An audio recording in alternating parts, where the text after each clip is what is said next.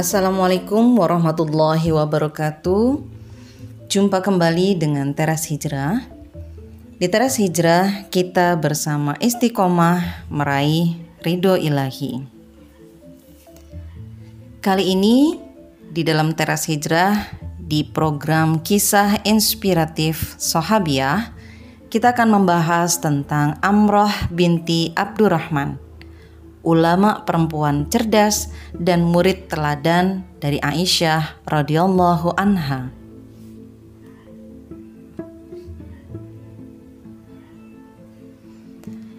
Biasanya kita mengenal ulama dari kalangan laki-laki.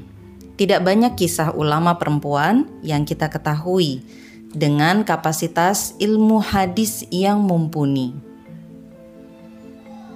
Di masa Islam, ada ulama perempuan terkemuka serta masyur di kalangan para ulama.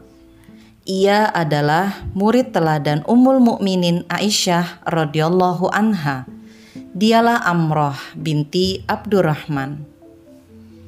Nama lengkapnya yaitu Amroh binti Abdurrahman bin Sa'ad bin Zurarah bin Adas al-Ansariyah an-Najjariyah al-Madaniyah.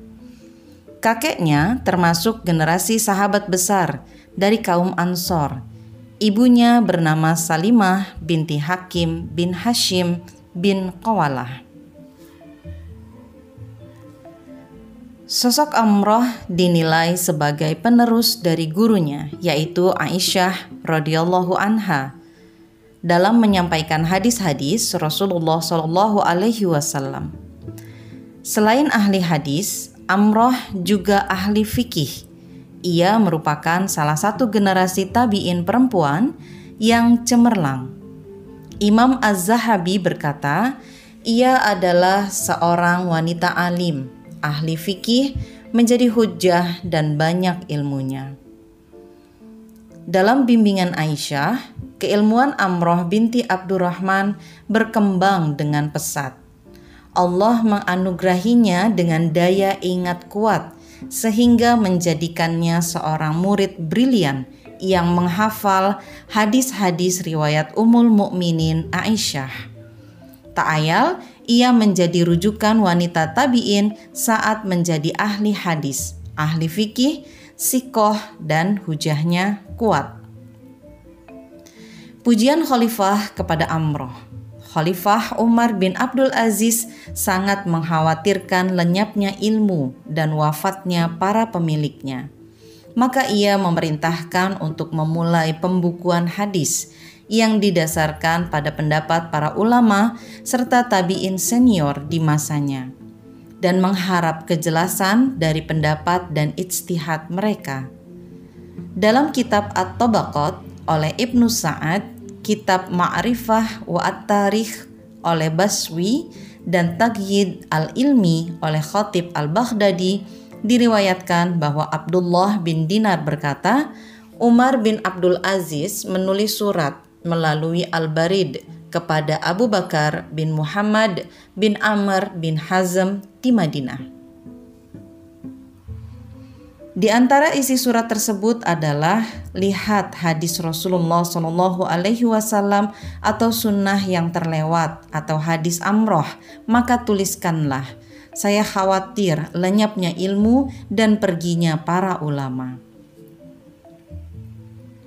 Permintaan Umar bin Abdul Aziz kepada pegawainya di Madinah untuk membukukan hadis amroh memiliki alasan kuat Amroh mengetahui bahwa Amroh mengetahui banyak tentang hadis Aisyah. Ia juga mengetahui secara khusus tentang perilaku Rasulullah Shallallahu Alaihi Wasallam. Hal ini diperkuat dengan riwayat tentang perkataan Qasim bin Muhammad kepada Imam Az-Zuhri. Saya melihatmu sangat cinta menjaga ilmu. Maukah engkau menunjukkan diriku pada wadah besarnya? Ia menjawab, "Ya, engkau pergi ke tempat Amroh binti Abdurrahman, sebab dulu ia berada dalam bimbingan Aisyah." Imam Az-Zuhri menceritakan, "Maka saya mendatanginya. Saya mendapati dirinya laksana lautan yang tak pernah surut." Kesan mendalam Khalifah Umar bin Abdul Aziz kepada sosok Amroh tercermin dari ungkapan beliau tentangnya. Tidak tersisa lagi orang yang paling mengerti hadis Aisyah radhiyallahu anha lebih dari Amroh. Amroh adalah murid terbaik dari didikan Ummul Mukminin Aisyah radhiyallahu anha. Kecerdasannya hampir menyerupai kecerdasan gurunya setiap hari selalu ia gunakan untuk belajar langsung di kediaman Umul Mukminin tersebut. Dalam diri Amroh terhimpun sifat-sifat yang tidak dimiliki wanita kebanyakan di masanya. Di antara keunggulan Amroh yaitu pemahaman mendalam dan pengalamannya pada hadis Nabi dan ketepatan riwayat dan pemahamannya Inilah yang menambah nilai keunggulan Amroh dalam dunia riwayat dan hadis. Selain meriwayatkan hadis Aisyah, ia juga meriwayatkan hadis dari Ummul Mukminin Ummu Salamah dan juga dari saudara perempuannya seibu Ummu Hisham binti Harisah bin Nu'man al-Ansoriyah, Habibah binti Sahal, Hammah binti Jahsi, dan lainnya.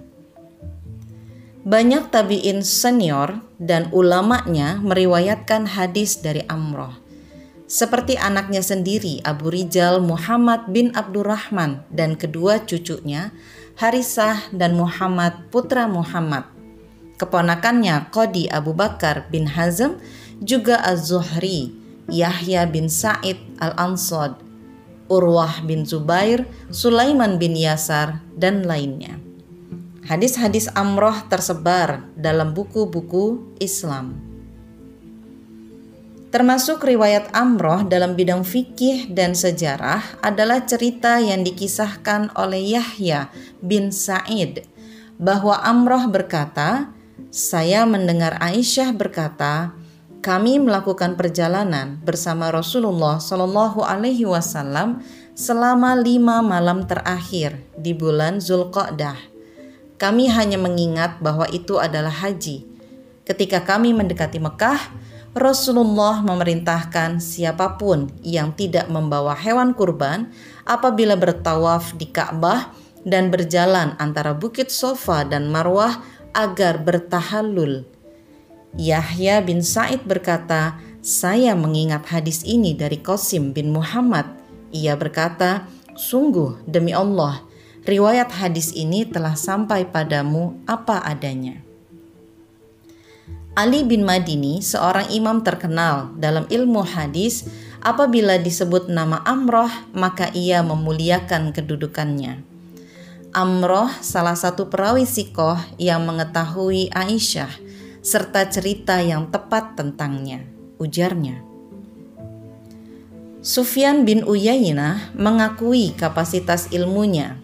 Orang yang paling mengerti hadis-hadis Aisyah ada tiga, yaitu Qasim bin Muhammad bin Abu Bakar As-Siddiq, Urwah bin Zubair, dan Amroh binti Abdurrahman. Pada tahun 98 Hijriah, Amroh bin Abdurrahman wafat dan dikuburkan dekat pemakaman Baqi di Madinah Al-Munawwaroh. Sahabat teras hijrah, semoga kita bisa mengambil petikan hikmah dari seorang Amroh binti Abdurrahman.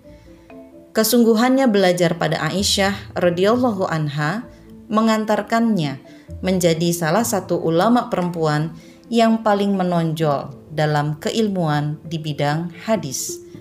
Begitulah sistem Islam kala itu. Selalu ada sosok inspiratif yang wajib diteladani para perempuan muslimah di zaman ini. Bilahi taufiq wal hidayah. Assalamualaikum warahmatullahi wabarakatuh.